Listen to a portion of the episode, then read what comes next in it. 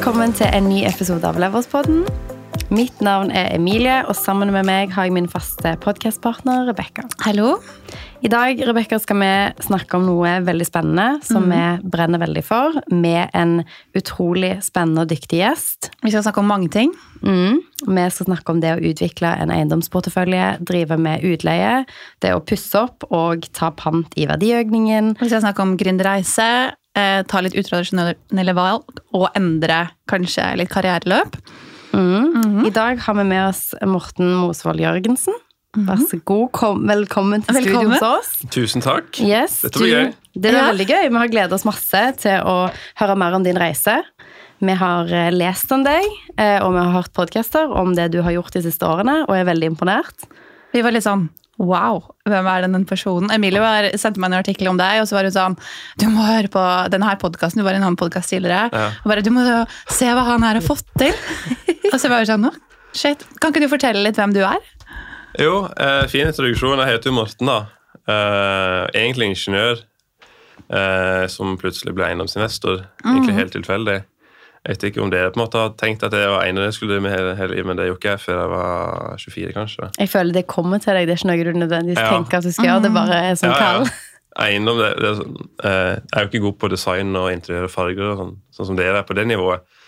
Så det er mer den der eh, ingeniørbiten jeg liker. da. Det er tallene og regninga på det og ja, den der biten. Altså, det er jo en fin inngang til det, da, for veldig mye av eiendomsutvikling handler jo om akkurat det som du nevner nå. Det å liksom crunche tallene og se hva som gir mening, og på en måte at man skal sette sammen veldig mange biter av forskjellige ting til å bli noe som er veldig fungerende, og som kan skape verdi, og i ditt tilfelle leieinntekter. Ja. Vi har jo litt forskjellig strategi. Jeg har jo mm, egentlig bare fra start så har jeg jo investert og sittet på alt. Mm. for det har jeg kunnet gjøre da, med de tallene jeg har operert med. da. Mm. men jeg så jo på Oslo også i starten. Da Eh, Da måtte jeg kjøre en litt annen approach. Så allerede fra start, da når jeg begynte, så kjøpte jeg for utleie. Eh, skulle, jeg tenkte jeg skulle leie det i 100 år. da. Det var på en måte utgangspunktet mitt. Eh, For du holder til i Kristiansand. ja, stemmer. Og det er litt eh, ikke, Det var litt flaks òg, egentlig, for det, det er jo der jeg var oppvokst. Og så begynte jeg å investere mens jeg studerte i Trondheim. Eh, og så Jeg hadde jo regnet på tallene, og sånn, og jeg så det var greit, i Kristiansand, men eh, at det skulle bli så bra, det, det var kanskje litt tilfeldig òg. Men nå er du veldig liksom sånn beskjeden, fordi eh, den artikkelen som jeg leste, som gjorde at jeg sendte melding til Rebekka, var jo at du, overskriften var noe liksom lignende at ok, du gikk fra null leietagere til 53 leietagere på tre år, og fra null i egenkapital til nesten 50 millioner i, eller i eiendomsportefølje, da. Ja, ja, stemmer. eh, med 15 millioner i egenkapital. Og det er jo en vanvittig reise. Og du er typ født i 1995, så du er ung. Hvordan liksom Du gikk på NTNU i Trondheim, fikk en interesse for eiendom, så på tallene i hjembyen din. Hvordan Ja. Hvordan kommer du til det? det? Nei, det var jo um, eh, Vi hadde en hytte i familien da, som vi solgte.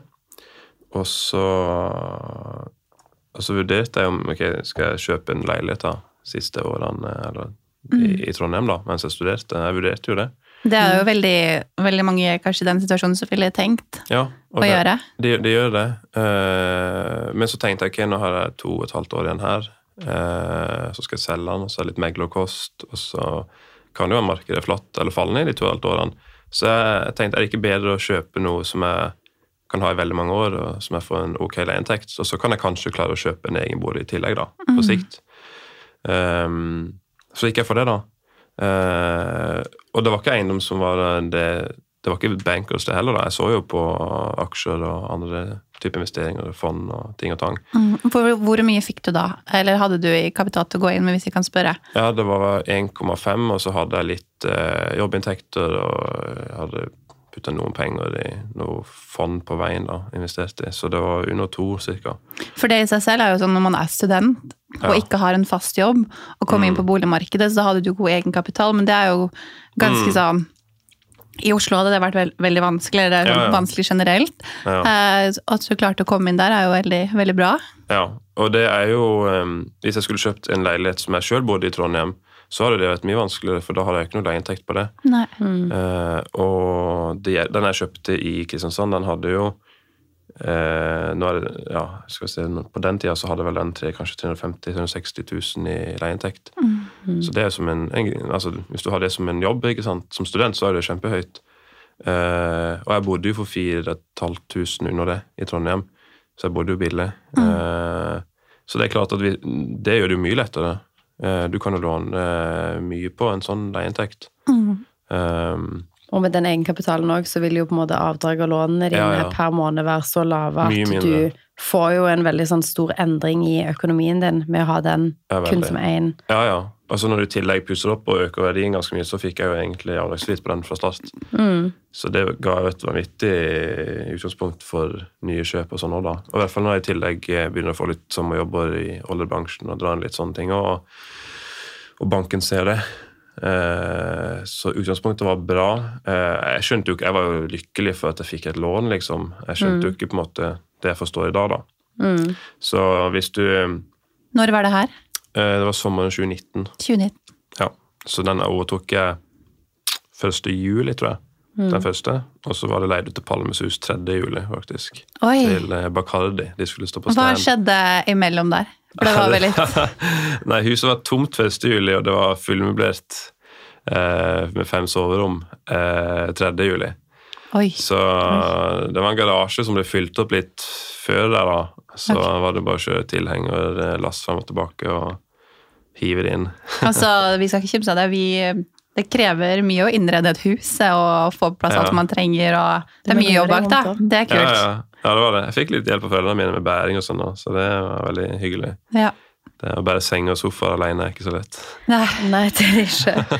Men så du tar over leiligheten, eller det du har kjøpt, og så leier du ut til en profesjonell motpart i regi av Palmesus. At det, Ja. Og da ser du liksom Oi, ok, dette er ikke bare de 4000 jeg kunne leid ut et rom for, dette er, har mye større potensial. Hvordan Mm. Ja, ja. så liksom de første leieinntektene ut?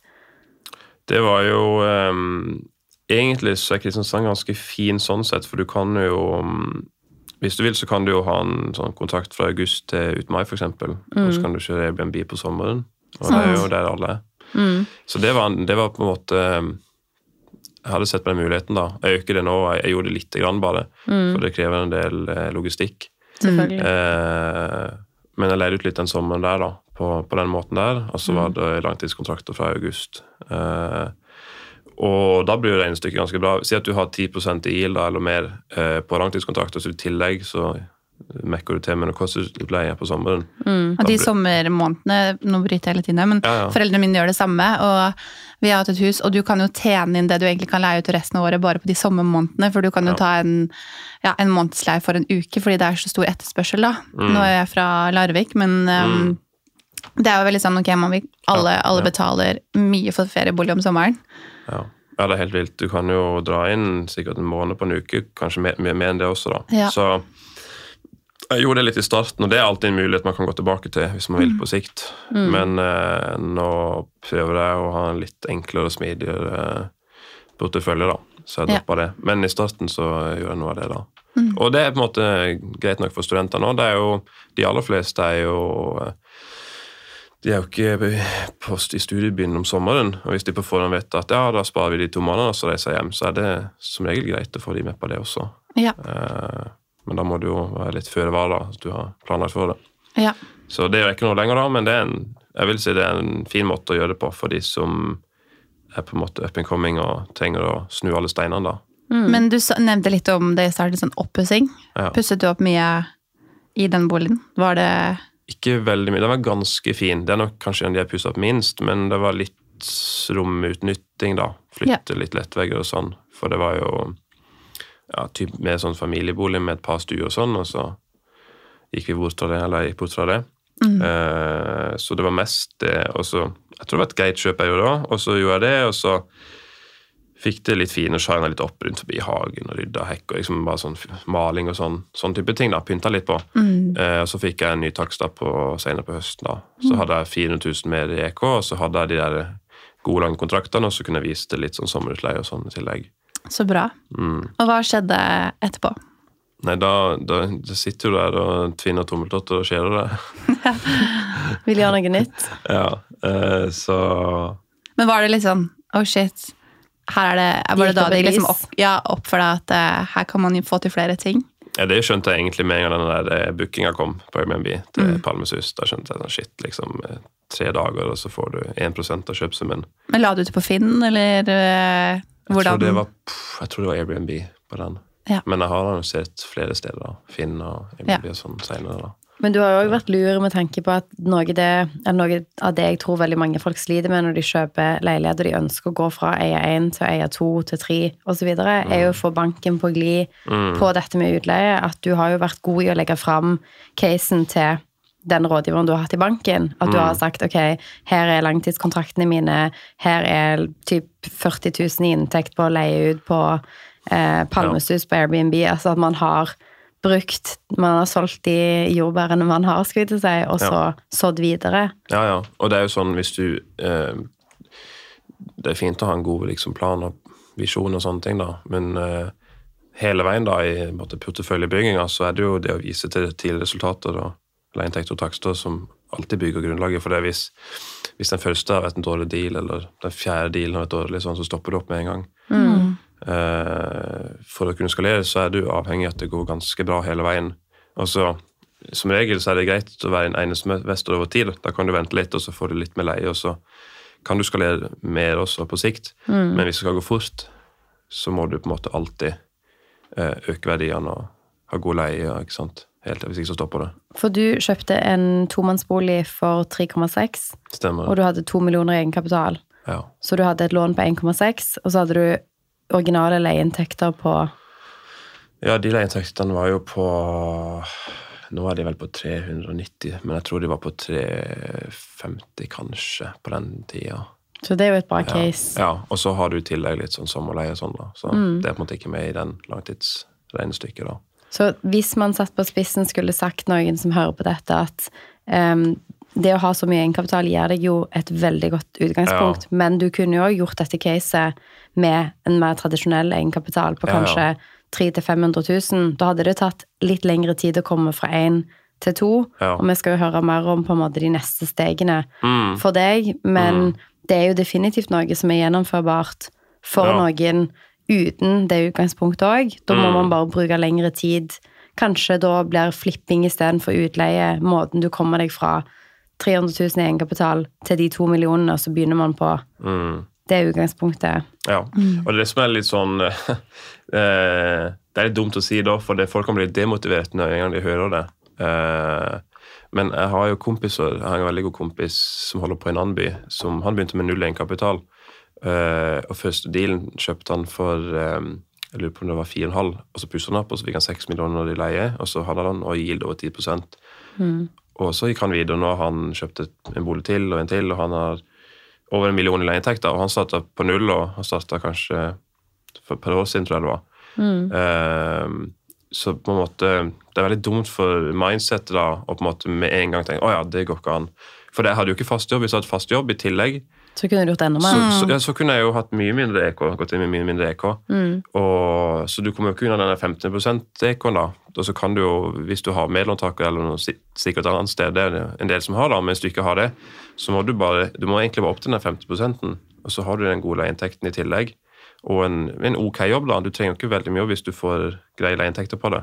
Og hvis du velger et oppussingsobjekt, så kan du jo på en måte pantsette verdiøkningen Ja. i primærboligen, og da vil du jo kunne bygge det til den 50% mye raskere enn du ville gjort i et annet utgangspunkt. Så jeg er helt Ja. med på den tankegangen av at det er veldig liksom eh, vanskelig å komme seg til de type volumene hvis man tenker hele tiden ja, men jeg har ikke det utgangspunktet, eller jeg har ikke ja, ja. Man kan definitivt få til de resultatene. Da er det bare en annen inngangsvinkel, tror jeg. Ja, ja.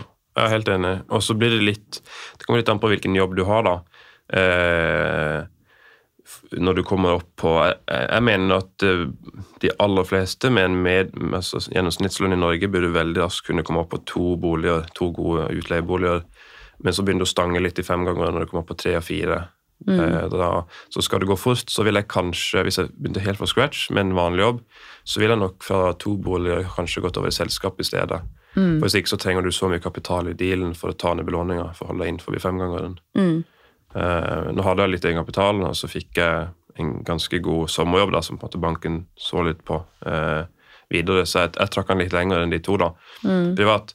Nå har, jeg, nå har jeg bare to i selskapet, eh, for den har jeg ikke jobb, så banken er litt strengere privat, da. Mm. Så nå har jeg flytta over selskapet for å kunne skalere litt raskere. Så. Mm. Men en sånn trygg måte å bygge portefølje på, det er jo å, gå på tre, kanskje fire da, privat. Fordi Mm. du har lavere rente, du har mindre skatt, ikke sant. Du har kanskje litt lengre eh, Du har kanskje 30 års avdrag profil istedenfor 25 eller 20. Og Du kan ha åtte hvis du er et par. Skattemessig. Ja, det kan. Mm. Stemmer. Det er jo en mulighet. Det er jo en mulighet, så du kan få, du kan få med deg partneren din hvis du har det.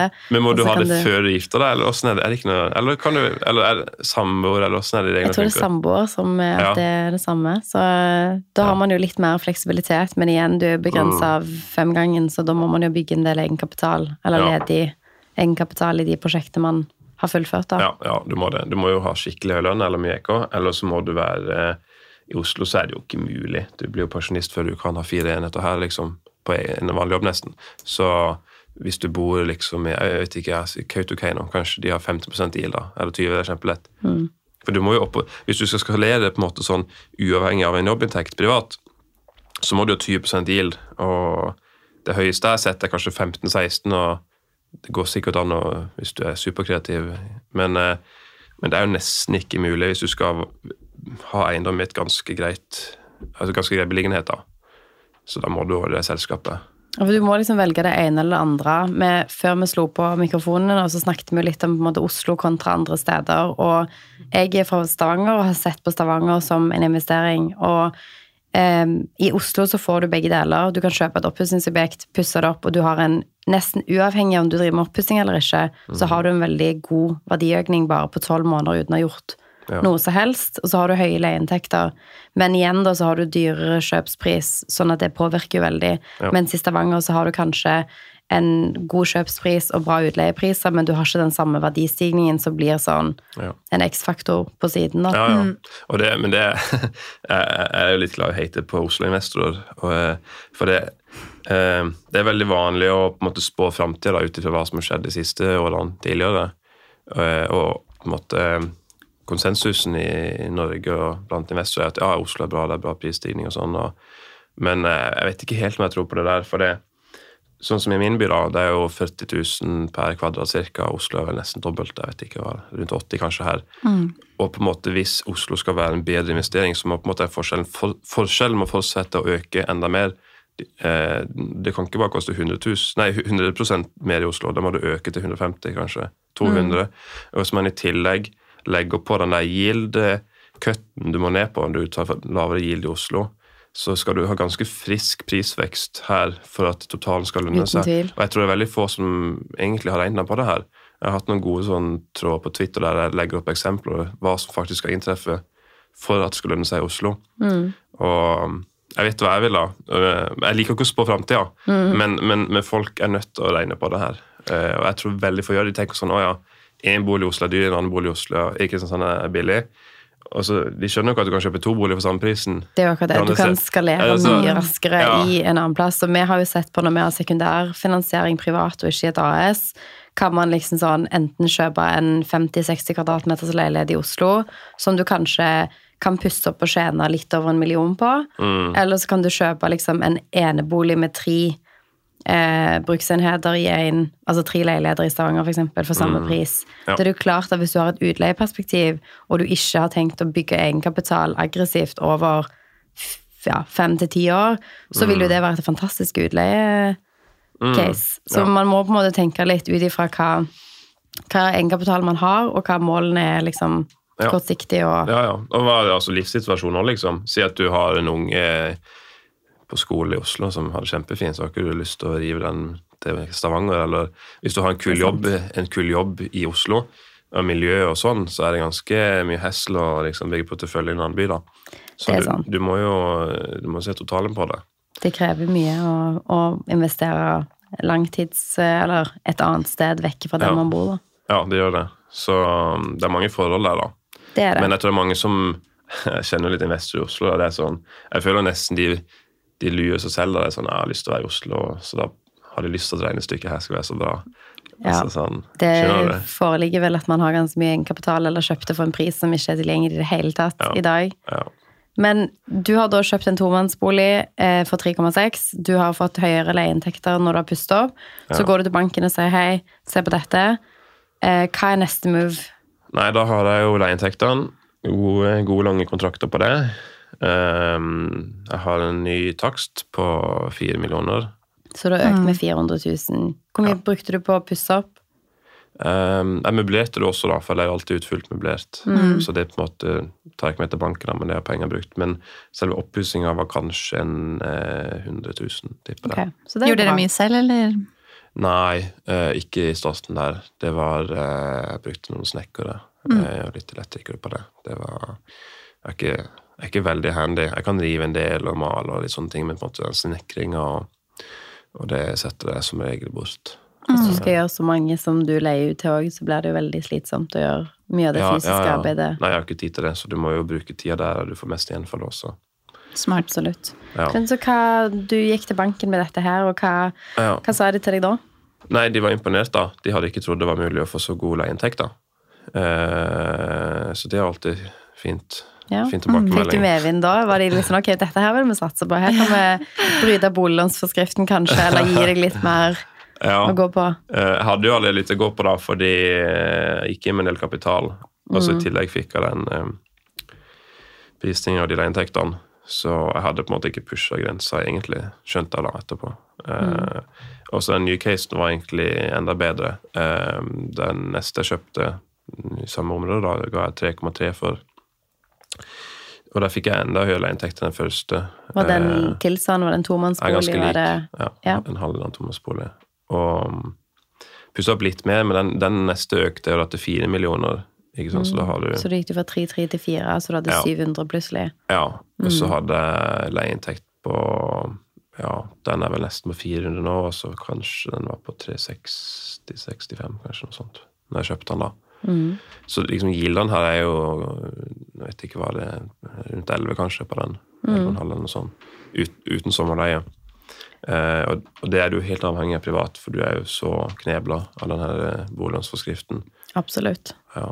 Men hvordan liksom, så på dette tidspunktet så er du student, eller har du da blitt ferdig med studiene? ja, da har jeg pff, Når var dette, da? Da hadde jeg vel litt igjen. Da var jeg ferdig med den sommerjobben min, i hvert fall.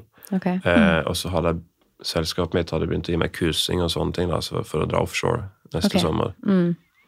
Eh, så det er på en måte selskapet de har investert mye i meg. da, Så jeg tror banken skjønte også det at eh, han kommer til å få en del inntekter på sikt. Mm. Eh, og så har jeg dratt mye over tid og jobba veldig mye den sommeren også i forveien. Mm. Så det, det hjelper, det også.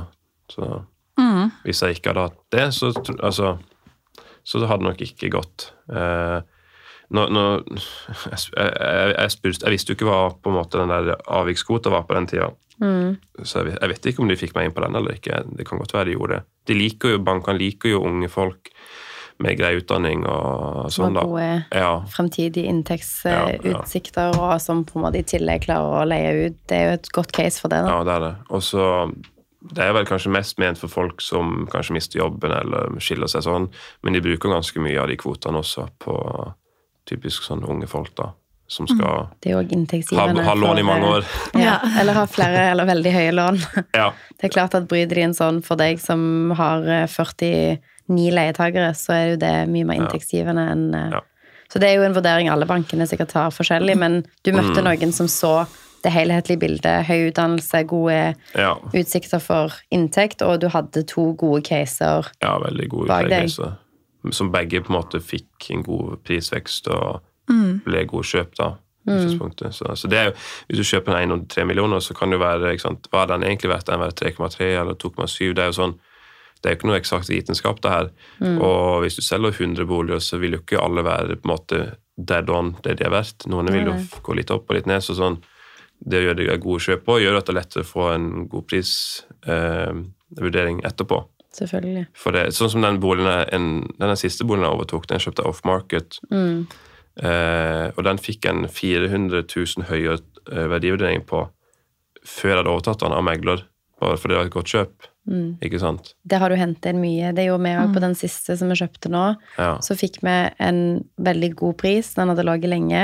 Så liksom vi kjøpte for 5875 og fikk liksom verdivurdering på 65 ja før før vi hadde liksom vridd nøkkelen Ja, ja. om i, i døra fordi du får god pris. Så Ja. mye hentes jo inn der. Ja. Så da kan du liksom, hvis du vil finansiere oppussing via Mm. banken, så kan du bare belåne den Ja. verdiøkningen og bruke det til å faktisk realisere større Ja, ja, ja. verdiøkning, da. Ja, For det på toppen av en god flipp, liksom. ikke sant? Det er ganske kraftig. Det har veldig mye å si. Altså, Med det jeg har lært gjennom flipping, så er jo veldig mye av det kjøpspris eller sånn, Det du kjøper for, er alfa og omega når det kommer til hvordan regnestykket blir.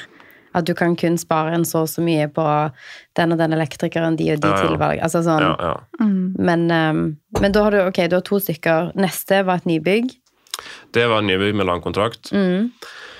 Den er litt mer sånn eh, Nybygg eh, har vært litt sånn cowboybransje. Eh, Definitivt. Folk selger kontraktene før bygget ferdigstilles. Og ja, inn, og den der finansieringsbiten også er litt sånn Null egenkapital og Ja, ja, men og sånn, og, og utbyggere det er ikke alltid de, Det er ikke alltid de snakker med bankene. de, eller de, de krever det ikke engang noen ganger. De, de vil bare at du skal framlegge en finansieringsplan, gjerne. Ja, ja. Um, så den øh, Den der eh, nybyggskontrakten der var litt sånn Jeg så jo det at den leiligheten eh, jeg kjøpte der, var jo mer kanskje en Det kunne heller blitt en flipp, en langtidskontrakt, men jeg fikk sånn ok tall på det nå. Eh, det var veldig tidlig i utbygginga, og så var det den Jeg tror kanskje min var den aller billigste av alle i det prosjektet. Um, så jeg, jeg, jeg var da 2,90 tror jeg jeg satte meg på kontrakt på den for. Og den var 37 kvadrat. Stemmer. Ja. Og den, eh, den over, det var jo i hvert fall halvannet år til overtagelse. Ja. Så den på en måte bare lå der og, og godgjorde seg. Eh, så den er vel verdt Nå er vel den verdt Jeg fikk 3,1 i, i takst på den, da, så den har steget 900 000. Det er jo, Det er jo fantastisk. Ja, ja. Og, og yielden er egentlig Han er ikke Altså, til Oslo så er det kjempebra. Jeg har vel inn 12,2 i måneden. Mm. Ja. Så 140 000-50 000 i, i året, da. På men- 2,2. Så jeg vet ikke hva yielden blir. 6,5 kanskje? 7 Jo, jo, eller men- noe mer. Så, så det er greit, men det er jo ikke sånn som de andre eiendommene. Nei, men du har jo bare ett soverom å gå ta utgangspunkt i Ja. så du får jo begrensa hva du kan leie ut for. Men nå begynner du da, i, nå så langt i historien din, så begynner du å nærme deg der skattemessig det gir mening Ja. for deg å ha et AS kontra Det gjør det. Ehm, så den eiendommen der, den eh, Den eide aldri privat, for når har kom til overtagelse, eh, Ja, okay. så, så gikk den rett inn i selskapet. Ikke sant? Ja. Eh, og der er du litt avhengig av utbyggere, om de er lette å ha med å gjøre, om du kan skjøte den over. Mm. Så jeg, jeg gjorde det, og da med en gang har jeg jo den egenkapitalen Mm. i selskapet i tillegg. Ja. For har du fortsatt eid de andre to privat, eller ligger de òg i selskapet? To, de, de to ligger privat. Ok. okay. Mm. Det gjør det. Så da var på en måte selskapskjøret i gang. Um, og um, i selskap er det jo også litt sånn Ville Vesten i forhold til privat. Det er jo mye mer muligheter. Uh, på godt og vondt høyere rente og høyere risiko med skatt, men de, de har jo ikke De kan jo gjerne låne opptil ti ganger eh, inntekter der, da. Mm. Og det er klart, når du har yield på 10% så kan du jo egentlig skalere så mye du vil, bare du har nok EK. Mm. Eh, Så du begynte da med en million i urealisert gevinst på den 37 kvadraten som var nybygg, ja. og det brukte du for å kjøpe neste. Hva var neste? Neste var jo en helt sjuk deal. Eh, Ja. Er dette var den beste dealen? Ja, det Ja, ikke på yield, da, men sånn totalmessig så er den kanskje beste. Det var en eiendom som jeg hadde sett litt på eh, allerede, når den ble solgt et år i forveien. Uh, Jeg var veldig nysgjerrig, da, men jeg turte ikke, for det var så mye renovering, og jeg tipper kanskje det kosta fire millioner å pusse opp, og jeg hadde ikke peiling liksom på, på renoveringskostnader, mm. selv om jeg så potensial til eiendommen. Så det var en annen investor som kjøpte den. Eh, en dyktig, eller en duo, da, de var flinke. Eh, og hadde gjort veldig mye av det jeg ville gjort også, da. Så jeg, jeg ringte egentlig bare for å være nysgjerrig, da, for, det, for å lære det. Og Jeg hadde jo lagra annonsen på Finn selv om den var deaktivert, så jeg satte jo på all informasjonen. og så den ble skjøtet over, jeg så hvem eieren var, så, så søkte jeg opp nummeret og, og prata med dem. Mm. Og, de, og altså, Investor syns det er veldig gøy å prate med andre som er nysgjerrige og unge, og som er interessert i det de har å fortelle. Så man må ikke være redd for å ringe. Og jeg kunne jo tenkt meg å kjøpe, men, men i utgangspunktet var det bare- for å lære det. da. Hva gjør det? Hva koster det egentlig å pusse opp her? Så jeg prata med han en del ganger, da. Um, fikk litt feeling på hva de uh, ville ha for ham hvis du skulle selge han, og så tenkte jeg ok, men det er en ok pris. Eh, de kommer til å tjene et par millioner på meg, men jeg kan tjene et par millioner på de også, videre. Og så slapp du kanskje, når du er på et punkt der hvor du tar deg vann over hodet og er sånn Jeg vet ikke hva det koster å bygge fire leiligheter i dette på denne tomten her. At noen andre, eller hva enn casen blir, Ja. at noen andre tar på seg de kostnadene. For første gang du gjør en så stor Ja. oppussing, så kan du jo skikkelig drite deg ut. Ja. Og ende opp med at det han utbyggeren tjente på deg, hadde du det hadde kosta deg den ekstra Ja, bare ja. hvis du skulle gjort det sjøl. Så jeg tror du gjort, gjorde en god deal til at Ja, du heller liksom lærte, spurte spørsmål, Ja. gikk inn på en måte seinere i dealen. da. For de Ja. hadde kjøpt for å flippe. De hadde Jeg var litt usikker på hva de egentlig hadde tenkt. De sa de skulle sitte på han, men det er kanskje noe man sier bare for at de på en måte ikke skal virke sånn desperate som selger. Ikke desperate, da, men sånn, da, da ser det litt bedre ut. Da Da må på en måte overbevise de. Uh, så jeg tror de skulle sitte på han. Men for riktig pris da, så er alt til salgs. Ja. Um, og, og det sa jeg til banken òg. Den her har jeg fulgt med på tidligere. Jeg sa at det, jeg tørte ikke, det var for mye oppussing. Men på en måte nå er det mye gjort, og så jeg vil gjøre noen andre ting også da på den uh, videre. Hva slags type bolig var det her? hvis vi kan det er en litt spesiell bolig. Det var en, uh, det var en gammel tomannsbolig med loft og kjeller som ikke var uh, bruksendra. Mhm. Og så gikk de inn og bruksendra loft og kjeller, så da satt de på 340 kvadrat. Så det er på en måte Så var det da tre enheter i hver del av tomannsboligen. Det var eh, Han var sånn horisontaldelt, så første og andre etasjen Ja, var i bruk nå. Og så, Han har sikkert blitt brukt i utleie, kjeller og loft, men ikke lovlig. Ja, okay. Så de, de forrige da, de, de søkte om det. Eh, så du har på en måte en leilighet i fire etasjer da, over hverandre. Mm. Eh, og så da fikk de på stell, søkte om det, og så måtte de bytte tak og grave opp grunnmuren og drenere og en haug arbeid. ikke sant? Eh, men jeg så jo det at eh, her kan man gjøre litt flere grep, da. Eh, sånn møblering og design og litt sånn romutnyttelse, og jeg pussa, rivde kjøkkenene og litt sånn, lagde et nytt bad. og Jeg kunne gjøre en del grep for å heve det videre, for de hadde, de hadde 800 000 leieinntekt på den da. Og det jeg gjorde da, uh, de tingene jeg gjorde, gjorde at jeg kunne øke leia til 1,2 millioner. Mm. Uh, og så jeg, jeg, jeg hadde jo ikke så veldig mye cash eller penger, da. ikke sant? Så jeg, jeg fikk mekka til finansieringa uh, litt greit òg, da, fordi da brukte jeg noe Det var egentlig hans sitt forslag, da, å bruke selgerkreditt. Mm. Eh, Var det selgeren, eller var det banken sin selgeren, ja. selger? Ja. Mm. For det, de, jeg, jeg var litt sånn ok, jeg klarer kanskje, kan kanskje by 10 millioner, da. Mm. Uh, men jeg sliter litt med ekon, og så ville de helst ha mer, da. Mm. Uh, så sa de ja, men kan vi løse på den måten, da? De, de har jo tro på, på eiendommen da, og utleia. Mm. Så ble vi enige om at vi skulle ha 750 000 av kjøpsummen i sånn selgerkreditt. Mhm. Og det er jo, hvis på en måte tallene tillater det, og likviditeten og cashflowen tillater det, så er det ganske kraftig verktøy å bruke hvis du skal skalere. skalere. Jeg har ikke hørt om noen som har gjort det i Norge før, men jeg har hørt om mange som gjør det i USA. ja, det er nok mer vanlig der. Eh, ikke så vanlig i Norge. Det, er, det var mer vanlig før, tror jeg. Ja, det kan godt. Eh, folk har blitt litt mer strenge på det nå. Mm. Men en måte å få folk til å vurdere det, det kan man å fremlegge det på, er å for si ok, du, jeg kan gi deg 10 millioner, eller jeg kan gi deg 10,7, men da må vi ha eller ikke 10 da. vi kan gi 10 millioner eller 10,2, men da må 500 000 av de være i selgerkreditt. Mm. Sånn for det, ikke sant? Og da, på en måte, da får de en sånn gevinst, da. En Ja, ja. slags, Selv om du kanskje kunne gitt En gulrot. ikke sant? Mm. Ah, fader, jeg kan vente et halvt år eller et år da, for 300 000, bare for å vente litt.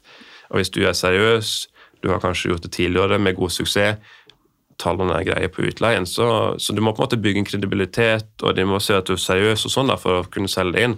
Mm. Og hvis de føler at de tjener på å gjøre det, ikke sant? hvis du bare sier at det er budet, det er, dette er selgerkreditt, det må på en måte kanskje være et alternativ hvor de tar et valg. Men ehm, det, det er litt interessant, hele det caset her, for jeg tenker de som ikke kjenner til så mye Eller mange kjenner kanskje til flipping og sånn, men du går jo inn for å kjøpe og så videre utleie. Ja. Og igjen, når man kanskje ser på bygg man skal kjøpe som skal være lønnsomme, så er det jo kanskje litt sånn rart scenario at du kjøper av noen som gikk inn for å flippe for å tjene penger på det. At Ja, ja. man skal tenke at ok, her kan man hente en gevinst. Eh, og du sa jo at du ringte for å få info for å finne ut av hvordan de gjorde det. ja stemmer. At eh, i et altså sånn, litt rart scenario at jeg tror ikke jeg ville gått inn og kjøpt en bolig for å Mm. tjene penger på det hvis jeg ser at den andre har gjort det, og de tok den fra meg. Ja, ja. Og, og det måtte jeg, jeg måtte på en måte gå en runde med meg selv. Ok, nå tjener de noen millioner på meg. Ja. Eh, men, men det jeg gjorde altså Jeg visste jo hva det var mulig å gjøre videre med eiendommen. Og det var, nest, altså det var jeg så sikker på. Så på en måte jeg tenkte her kan flere vinne. ikke sant? De må ikke tape for at jeg skal vinne, eller motsatt. Eh, og, og, det, og det gikk jo bra, da. For det, når jeg økte leia fra 800 000 til 1,2 millioner, eh, og jeg pussa opp for eh, kanskje 800 000 da, og sånn inventar, da, så fikk jeg økt Jeg kjøpte den for 10,8, og da fikk jeg økt Nå er taksten på den 14,5 millioner. Eh, og der og da så var den vel med en gang 13,5 eller 14, tror jeg. Ja, ikke sant. Eh, så, så, så jeg tjente jo nesten like mye som de gjorde. Ja, ja. Og, men, men det krever jo en kunnskap da om leieprisene, markedet, ikke sant, sånne ting. Men hadde ikke, hvis de hadde kjøpt denne boligen, vurderte ikke de å eksempel gjøre det samme? Videreutleie, eller siden de også går inn og tenker at her skal de tjene penger, så Jo, hadde det vært en mulighet for de å tjene mer penger? Jo, det kunne det. Snakker de med deg? Ja. Det kunne de. Eh, Så jeg var litt forsiktig med å røpe mine planer. Mm. Men, eh, men eh, de kunne selvfølgelig gjort det. Men, men de, jeg tror ikke de priser seg helt riktig i markedet. Eh, De leide ut umøblert. Jeg kjøpte ganske fine møbler for hele eiendommen. Jeg pussa opp noen kjøkken, en del soverom, lagde noe ekstra bad og sånn, da. Mm. Så, og så er det sånn kanskje eh, Jeg vet ikke, kanskje de tok en grei gevinst. Ok, dette er ganske bra, da. Og så tenkte jeg at jeg skal ikke skvise alt. Eller de bare Ja. De skal jo videre òg, kanskje. De skal være sånn, ok, da frigjør vi kapital til den neste Ja, ja. casen. Sånn at noen ganger er det jo et win-win. Eh, hvor man liksom egentlig de er kjempefornøyd. De er bare sånn ok, Ja, ja, ja. supert. nå Og det sa de òg. Vi håper at du tjener penger. Det er ikke noe som gjør oss liksom mer glad, da, enn at eh, alle kan vinne. Og litt se, se hvor man er god. Vi snakker jo litt om det i andre episoder, at man ikke skal ta på seg alle hattene. At du bare ok, jeg kan ikke pusse opp på samme måte som de kan, men gå inn etterpå og optimalisere. Ja. Er man god på, og de kanskje ikke kan nok om det. Ja, ja, ja. Vi At hadde man forskjellige liksom- styrker og svakheter der. Ja. Men hvor mange rom er det i denne, da? Nå er du liksom, du har gått all in på Du har kjøpt den for 10-8, du har pustet for 800, Ja. du har møblert den. Ja. Um, hva, hvor mange rom er det som leies ut? Eh, 17. 17 rom. Ja. Ok, så nå det har du fire leiligheter, da. to tomannsboliger, en 39 kvadrats, eller 37 kvadrats leilighet, og du har 17 rom. Ja, Så det er på en måte fire leiligheter da, i denne her, egentlig. Ja. Ja. Så, så da har jeg leie da på 1-2 cirka på den, og så litt fra den andre. Så, og, og med en gang, ikke sant, det er jo det her, da. Hadde, hadde, hadde, dette, hadde jeg kommet meg megler etterpå og sagt du, han er, han er ikke verdig det betalt for en gang, Mm. eller hvis jeg hadde fått eh, 1, eller 1 million eller 900 000 leie istedenfor 1,2, så hadde jo ting stoppa. Mm. Så du, du, når du på en måte må resirkulere kapitalen din fra deal til deal, så må du gjøre det her, og du må treffe. Eh, så jeg, jeg gikk jo videre til banken, da. Mm. Ikke sant? Eller jeg har bytta bank noen ganger eh, i prosessen her allerede. Jeg har bytta bank fire ganger. Ja, ja, men du er sikkert en god kunde å ta imot òg, da. Ja, det er jo Men det er litt sånn Det er litt sånn banker her, fordi ofte så vil de strekke seg litt mer for å få deg inn som kunde, da. Eh, det er typisk. Og så er de kanskje litt mer forsiktige når, når du allerede er der. Da. Ja. For det er, jo, det er jo litt jobb å bytte bank, og på en måte Det skal litt til å bytte videre, men, men det har, jeg har nesten vært avhengig av det. For det, da har de strekt seg litt i disse For du får den lille ekstra ja, servicen man trenger. Ja. Og banker, banker er litt forskjellige, og det er ikke alle som De ser ofte på case litt ulikt, det er det ene. Og de når de får de takstene, og du har det som kunde så ikke sant, at du pusser opp en leilighet, da, og så øker verdien for 500 000, så har de allerede pant i den eiendommen, så de må ikke gjøre noe på en måte mer for å De har bare fått mer sikkerhet gratis av det. Det er veldig sant, det. Men Mm. eh, nå er du liksom dette i, er du i 2020 nå? Er du i 2021? Mm, skal vi se, var ikke dette i Jeg tror det var 2021. 2021, så du har nå de boligene Hvor mye er totale leieinntektene dine på på dette tidspunktet? Ja, eh, det er vel Vi har i hvert fall bikka to millioner, tror jeg. Har vi ikke det? Jo. Litt over to, mellom to og to og en halv, tror jeg, Ja, på det. Så det har skjedd Eh, fort, da. Ja, det skjer fort. Og den Ja. dealen der var jo helt sjuk. Ja, ja, den de var jo Den, det den, som den var jo større, det var jo større enn alt det andre til sammen. Men, Ja, eh, har du hele tiden følger ute, sjekker du etter boliger? Har du liksom, ok, i dette området lønner det seg?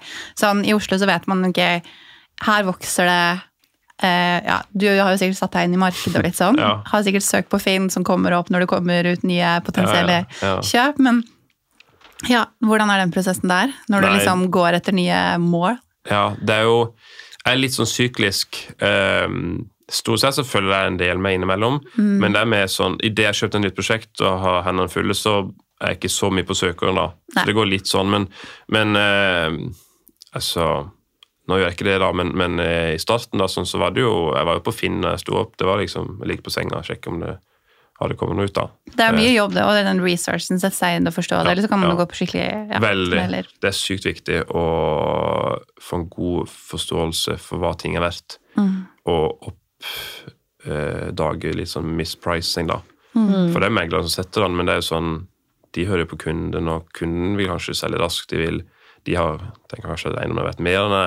Så du, du kan ikke tenke at den prisen som står i annonsen er den riktige. Du må på en måte ha en egen vurdering på det. Mm. Uh, og da må du følge med mye for å finne de gode dealsene. Mm. Ja.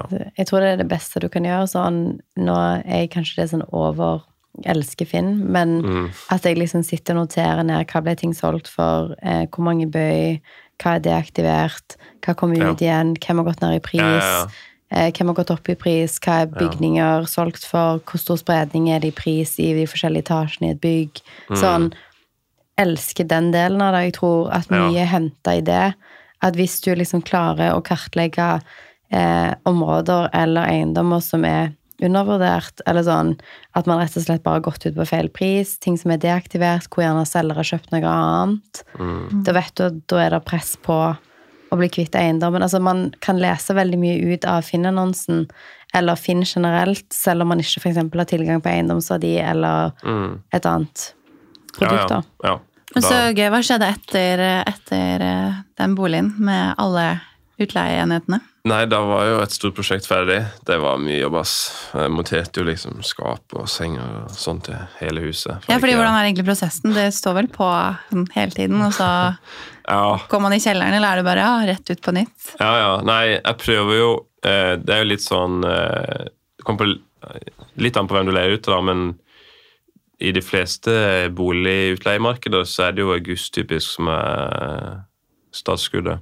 Fordi du leier ut til mye studenter. Mye studenter, men uansett så er det mange som liksom er ferdig på studiet, så begynner de ny jobb i august. Ja? Så, ja. så den er, augustmåneden er viktig uansett. Hvis du mister den, og så kommer det i september, så Har de det funnet seg noe. den? Ja, så eh, de greiene her, da, det er jo hovedsakelig på sommeren, ikke sant? og den var jo Jeg holdt på litt inn i august, der eh, jeg er ofte litt tidsoptimist. Men eh, det var i hvert fall ferdig da i løpet av august, alt sammen. Og så fikk jeg jo ny megler og sånn, og så utover høsten der da, så var jeg på en måte rigga da, og var klar igjen. Eh, så da tilbake igjen og følge med på Finn. Så fant jeg jo en ny bolig da, som eh, var mye mindre enn det forrige prosjektet, men da var tallene så gode. da. Jeg fikk vel 12,7% deal på den. Eh, så da klarte jeg ikke å holde meg unna.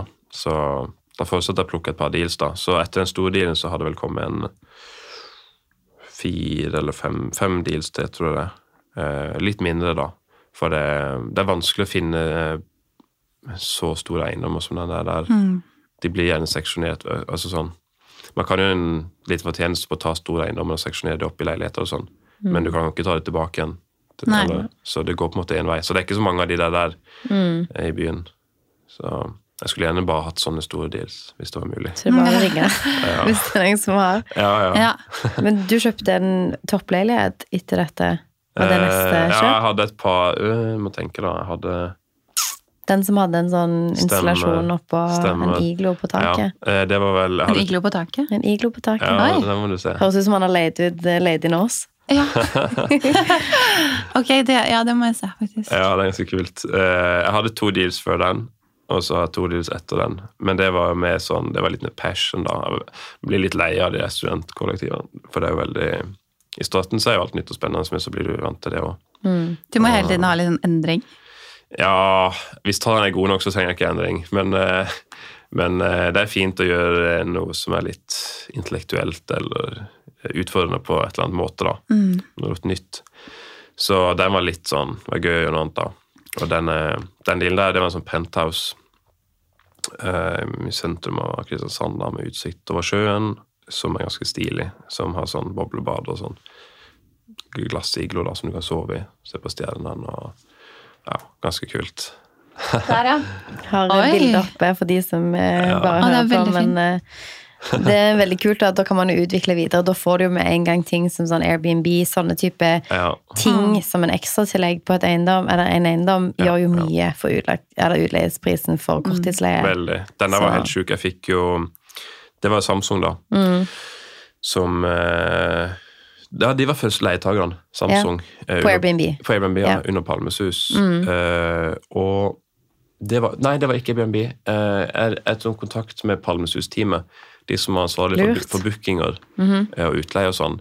Og så spurte jeg om de har noen kunder som kunne tenke seg en sånn type leilighet. Mhm. Så det var de som tok kontakt, da. Så den dro jeg jo inn eh, Jeg dro inn 54 000 der på Jeg tror det var fire døgn.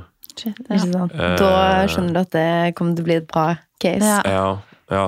Og, for det, det fins jo ikke noen lignende leiligheter. ikke sant? Du er jo i et av de høyeste byggene i den delen av byen, og du ser på en måte bare utover takene. Mm. Og så har du en dødskul leilighet innvendig, og utvendig så har du en terrasse på 65 kvadrat med sånn solsenger og bespisning og Iglo.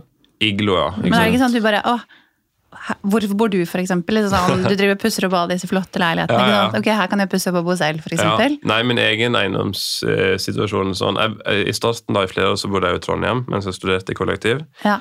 Og så kom jeg hjem, så bodde jeg faktisk hjemme i et halvt år, drøyere. Tre kvart år. På gutterommet. Og så um, den her, her Det er litt av en kontrast. Ja, det er det, men, men eh, du må ofre litt, dessverre. Det er sant, det. Og så, og så har jeg på en måte framleid den leiligheten litt til meg sjøl, denne penthousen. Ja. Og så um, eh, For jeg har jo Jeg har gjort sånn, da.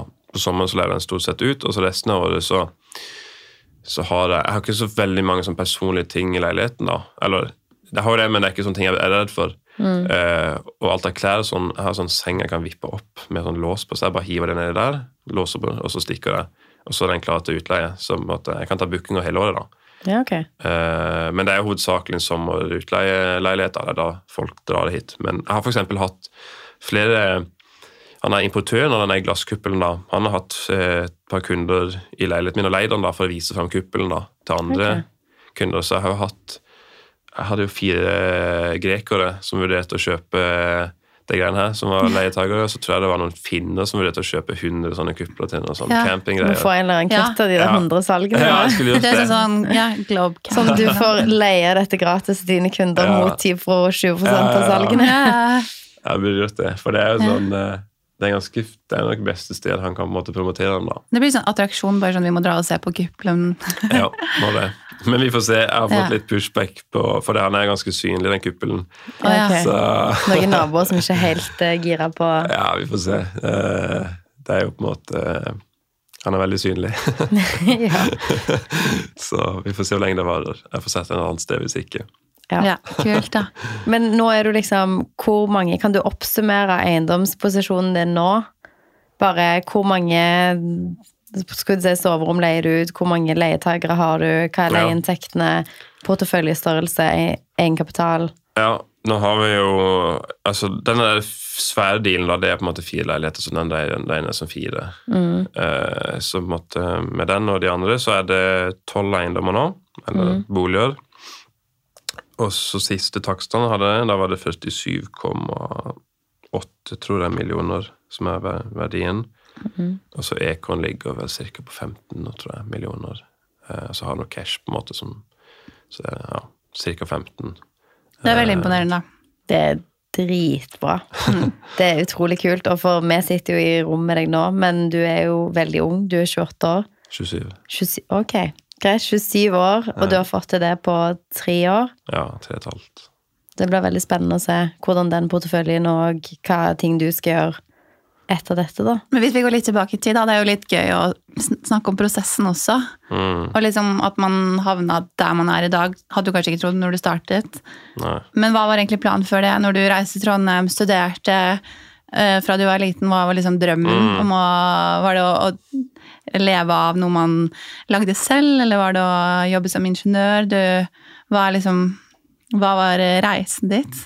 Nei, det var jo Jeg har jo jeg har ikke hatt noen sånne voldsomme plan, langtidsplaner. Det har jeg egentlig ikke ennå. Men eh, jeg har alltid vært sånn ingeniørtype. da, Likte liksom å lage de trehyttene og demninger og ting og tang da, og Lego og sånn. da. Så jeg har alltid likt å være ingeniør, så det føltes litt naturlig da.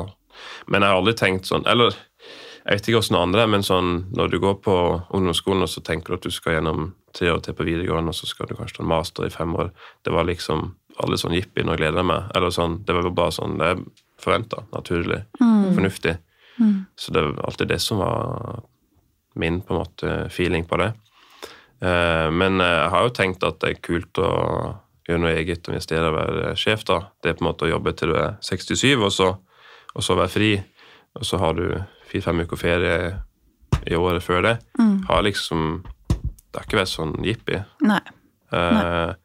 men men eh, aldri hatt noen sånn plan på det, uh, egentlig. Nei, for vi leser jo litt sånn, du drev med langrenn, Ja. litt sånne, Mm. var det... Det var jo mest, det var det jeg var opptatt av. Jeg, jeg, jeg er nok en sånn type som blir litt eh, hekta på ting, eh, avhengig. Så idrett var jo det som var min på en måte passion da, mange år. Så jeg var jo, ja, spilte fotball i åtte år, sykla en del, landevei-terreng, eh, langrenn, sånn, kan være kanskje halvveis satsning, men det var sånn på, bare noe litt på ungdomsskolen. Men det var egentlig orientering da, som har vært min idrett. Så fra videregående og litt utover så begynte jeg å trene en del mer, og så jeg har halvt amerikansk da, Ja, og så er det litt mindre eh, eller, Det er ikke like populært i USA, så det har vært lettere å komme med på det amerikanske laget. oi, så kult. Så jeg gjorde det, da, så fikk jeg med meg siste året som junior da, i junior-VM. Og så har jeg vært Junior-VM. Ja, VM, ja. Oh, ja. Bare VM. Bare sånn. Mens man har sånn tre millioner i leieinntekter og er student og ja det var, det var, dette var, da var jeg 19, nei, 20, så det var fire år før, da. Men, Ja, okay. men jeg, var på, jeg var faktisk på Jeg var på landslaget fram til 2022. i USA. Senior, ja. ja. Ja. Eh, men det er jo ikke sånn Hvis du er kanskje best i verden, eller topp fem-ti, så kan du leve av det greit, men det er jo ikke noe sånn veldig lukrativt. Så du må på en måte jobbe ved siden av uansett. Så det var på en måte aldri en Det var ikke Kunne ikke blitt proff på den måten. Eh, og så jeg, jeg tror det er større talenter i den idretten enn meg, så, så med, med mye skader og litt sykdom og sånn, så, så stanger man litt mot et slags toppnivå man har nådd, da. Så Ja. da var det greit å fokusere på litt andre ting. Så, Men bodde du i USA, da, eller bodde du nei, jeg har, jeg har aldri bodd i USA, men jeg har bare vært der mye. Så du må jo over for å konkurrere litt og kvalifisere deg for løp og uttaksløp og sånne ting, da. Så jeg ble, jeg ble ja, jeg tror jeg ble en amerikansk mester som junior og som senior også, i et par distanser. Eh, men eh, Men det var jo et annet liv. Det var jo før. Du har levd mange, mange liv. Du har vært eh, ingeniør fra Trondheim, og du har vært eh, landslagsutøver på orientering i USA, og du har vært eiendomsutvikler og investor i Kristiansand. Det er veldig gøy også liksom, hvordan liksom, tilfeldigheten ting, ting blir. At man kjøper et hus, og så begynner ballen å rulle, og så sitter man der. Og, ja. og hva, hva tror du du skal videre? Nei, Jeg er glad i å trene fortsatt, da, så jeg trener mye. Men jeg prøver å ha litt det som balanse nå, mellom kondis og styrke. Eh, Jeg tror ikke jeg kommer til å satse igjen. Eh, Det kreves utrolig mye for å bli best, og du må bli sånn Alt annet må bare settes på vent, nesten.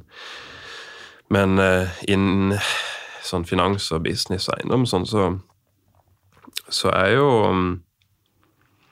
um, Jeg vil jo på en måte ha utfordringer, da.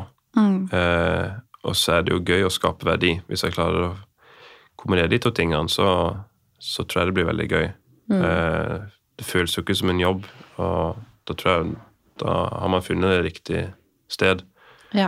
Det er veldig sant. Det Jeg tror det er viktig å alltid ha noe som motiverer, eller liksom noe som gir deg noe mer. Sånn, penger er jo én ting, på en måte, og det, man trenger det, men også noe som ja, Det er gøy å få de utfordringene, løse ting, skjønne litt mer, få litt mer innsikt. Um, ja, vet ikke, Det er i hvert fall det som driver meg. Penger er jo selvfølgelig viktig, men det er å Ja. forstå ting og lære noe. Fordi vi har jo snakka om det noen ganger, at gitt at man aldri trenger å jobbe igjen Du kunne jo sikkert eh, ja, pensjonert deg nå og levd på leieinntekter, kanskje. Mm. Men at eh, det er noe med det der å gjøre noe og gjøre en forskjell og hele tiden altså, simulere seg selv. da. Mm. Eh, tilegne seg kunnskap. Ja. Det er ja, jo så viktig. Ja, og jeg føler du må liksom passe på å alltid ha noe mer, da. Ja. Sånn der framme.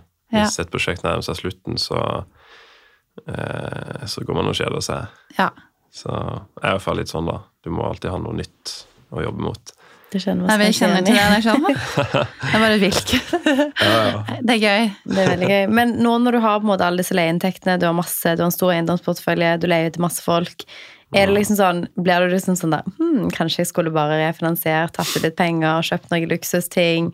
Du kan jo på en måte oppgradere livet ditt veldig seriøst. Mm. Har du liksom tenkt på Du bodde i kollektiv når du var utleier i Kristiansand. Ja, hadde Har det vært 40 leieta- fristende? Jeg hadde 40 leietakere før jeg hadde noe eget.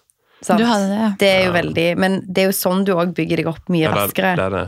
Og det jeg har- Stor bekostning av å ta mye penger. frista, jeg har vært frista til å på en måte inflatere livsstilen min litt eh, noen ganger. Men uh, uh, det er to ting. da. Det ene er det eh, Det er nok mer fristende før du har muligheten til det. Når du kan gjøre det, så er det ikke like spennende, syns jeg. Det er noe med det å bare ha muligheten. Mm. Og så var det ok, nå kan man gjøre det, men det var det å komme hit da som var det kule.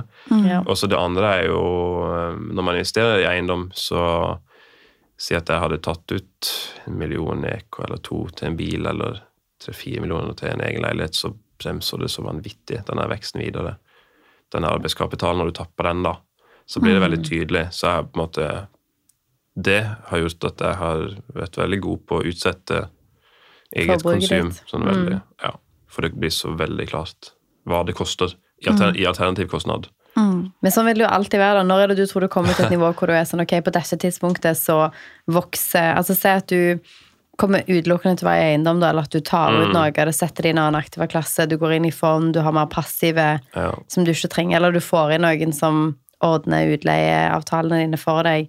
Tror du at du, Når er det punktet hvor du er bare sånn ok, nå kan jeg gjøre disse tingene? Eller tror du at du alltid kommer til å være sånn hm, hvis jeg tar ut to millioner, så kan jeg ikke kjøpe den og den leiligheten, eller det Nei, så mye eh, Det er jo ikke sånn, jeg er ikke sånn Olav Thon-type, liksom. Eh, Du skal ikke kjøre rundt i en gammel bil når du er 98 år og Nei, eh, så det er bare et tidsspørsmål. Men, eh, men jeg tipper kanskje Men sånn for meg, da, eh, når du Alternativet er å kjøpe assets som produserer cashflow, så kommer jeg kanskje heller bare til å Hvis jeg skulle bodd i Oslo, da, istedenfor å kjøpe en dyr leilighet her sjøl, så ville jeg heller leie en, og så ville jeg heller putte de pengene i eiendom som jeg har mer troa på.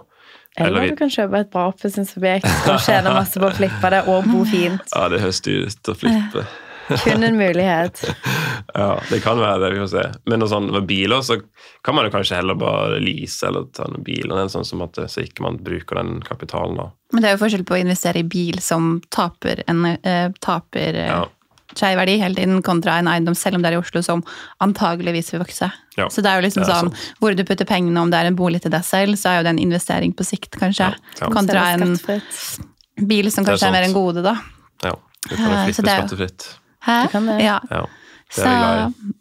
nei, det er veldig gøy. Det er veldig gøy å høre historien, og det tror jeg også gir litt sånn motivasjon til de som kanskje sitter nå og tenker hva kan man få til? At eh, man, man kan liksom gjøre det på en litt smart måte. Det, du kan begynne nå, og du kan være der du er om kanskje ikke om tre år, men det er faktisk mulig. Du er jo et levende bevis på at det Ja. går, og det kan gå fort.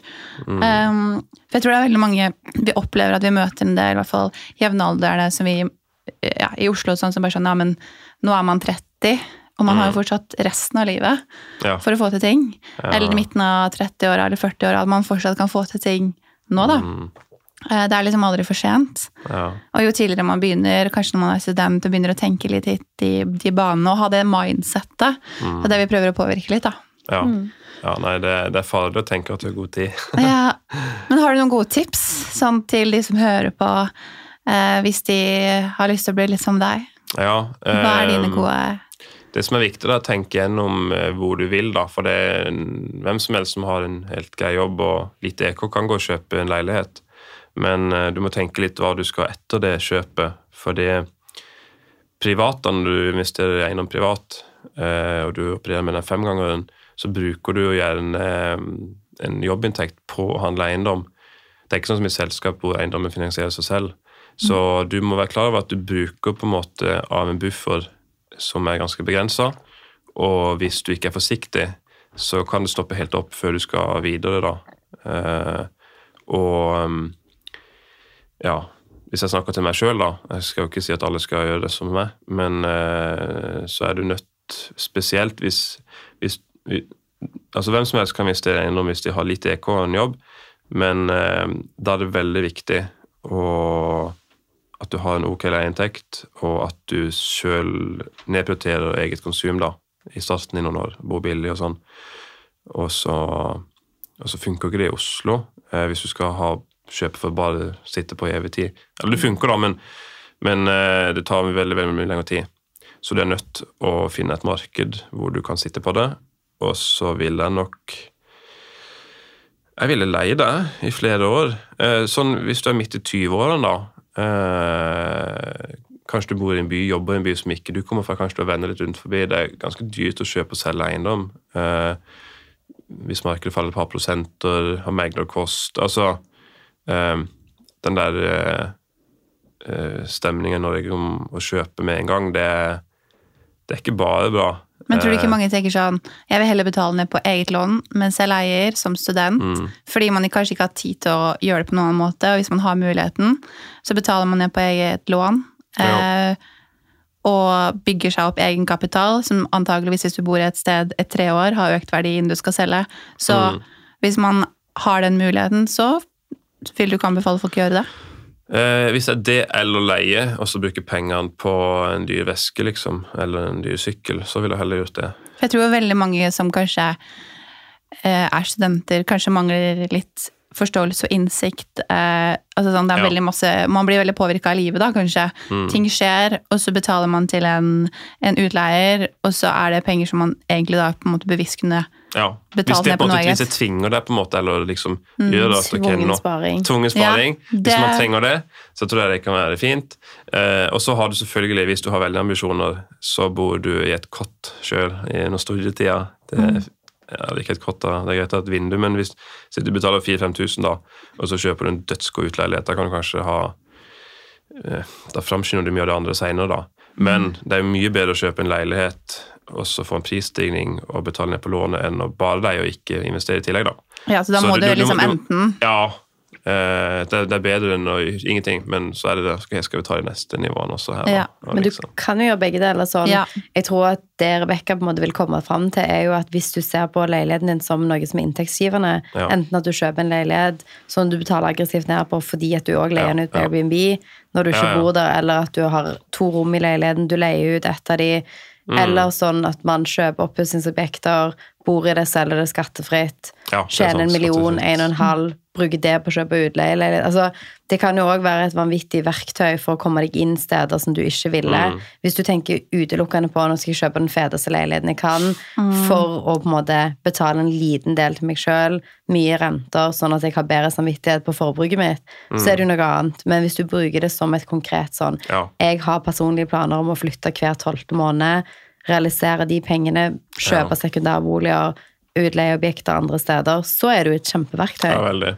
Og et godt skatteinsentiv for å gjøre det òg. Ja. Absolutt. Det er bare hvis du, hvis du er 18-19 år, og så skal du kjøpe utleiebolig som skal pusse opp. Det er jo, jeg, jeg vet ikke hvordan andre er. Jeg hadde jo jeg var ganske umoden da jeg begynte første året på studiet, så man må passe på at man gjør et greit kjøp òg. Og så er det jo, så skal man jo si at eiendom er jo risiko, da. Hvis du tar en bachelor, eller hvis du kanskje tar et årsstudium og du er litt usikker. Du, skal, du skal ha en viss tidshorisont på det. Eh, for eiendom er sånn Stavanger eller, eller Oslo sin, altså siden i fjor vår til, til nå, da. Hvis du kjøpte i Oslo og så Oi, shit, nå skal jeg heller begynne å jobbe i Trondheim, det, avdelingen der. Jeg har meg fetere jobb, da. Og så får du et prisfall og megler og sånn. Du skal liksom det, det er greit å ha tenkt gjennom da, nedsida, men å flytte skattefritt, pusse opp, gjøre gode kjøp, det, da kan du raskt bygge egenkapital. Hvis du er litt lur på design og eh, oppussing og sånne ting. Det, Ja. Da kan du raskt bo i veldig mye finere boliger enn det du ikke kunne gjort hvis du ikke gjorde det. Det er sant. Hvor ser vi deg om et år? Jeg syns det var sånn fem år, for jeg har ikke peiling. Men ett år, kanskje? Fem måneder, ett år? Ja, fem måneder. Jeg vet ikke hvor jeg er i morgen engang. Jeg har to kompiser som skal til Syden, så jeg tror jeg skal kjøpe en billett etterpå. Det. Men, er eh, Ja, jeg tror det er en god plan. Men eh, Nei, fem måneder. Jeg har jo begynt med litt sånn Twitter og sånne ting, da. Ja, Så man kan følge deg litt der. Du deler jo en del tips og utregninger som du nevnte i Ja, stad. det. det er jo en, en veldig god plattform for de som vil lære litt mer. Ja, og følge deg ja. på, Hva heter du på Twitter? Morten Mosvold.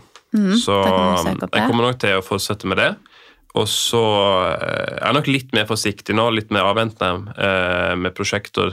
Pass litt på renta. Eh, for det tidligere så har du på en måte bare Hvis jeg trengte penger, så kunne jeg vente et par måneder, så var det problemet løst. For det, Mm. prosjektene var lukrative. Nå må du være litt mer forsiktig med likviditeten. da. Passe på at alt er på stell, og at oppussinga egentlig blir dyrere enn vanlig. Så litt mer forsiktig, men, eh, men jeg er jo alltid nysgjerrig på gode nye deals, da. Mm. Eh, så får vi se eh, hvilke muligheter som åpner seg. Eh, jeg skal si for mye, da, så var det noe Jeg var ikke bare podkaster inne for i Oslo denne, denne uka. Så Det er kult, da. Spennende. Ja. Men vi kommer til å linke til alle dine plattformer i episodebeskrivelsen av denne episoden. Og så må vi bare takke veldig for din tid. Det har vært utrolig Veldig. spennende å høre om din reise. Ja, Du har helt sikkert inspirert mange til å starte med eiendom, både gjennom Twitter og Ja. det du har fortalt i dag. Så Takk tusen for at jeg fikk komme. Det var veldig hyggelig. Det, Ja, veldig hyggelig. Skulle gjerne intervjua dere også denne gangen. Du får starte podcast. Kanskje det er neste. ja, Kanskje om et halvt, halvt år. Så Ja. Det går fort. Gøy. Eh, og ja, vi får jo ofte mye spørsmål i sånn i innboksen, så det er jo bare å sende fortsatt. Og historier og, og alt. Vi elsker å høre det. Absolutt. Så snakkes vi neste uke. Yes, ha det. Ha det. Ha det.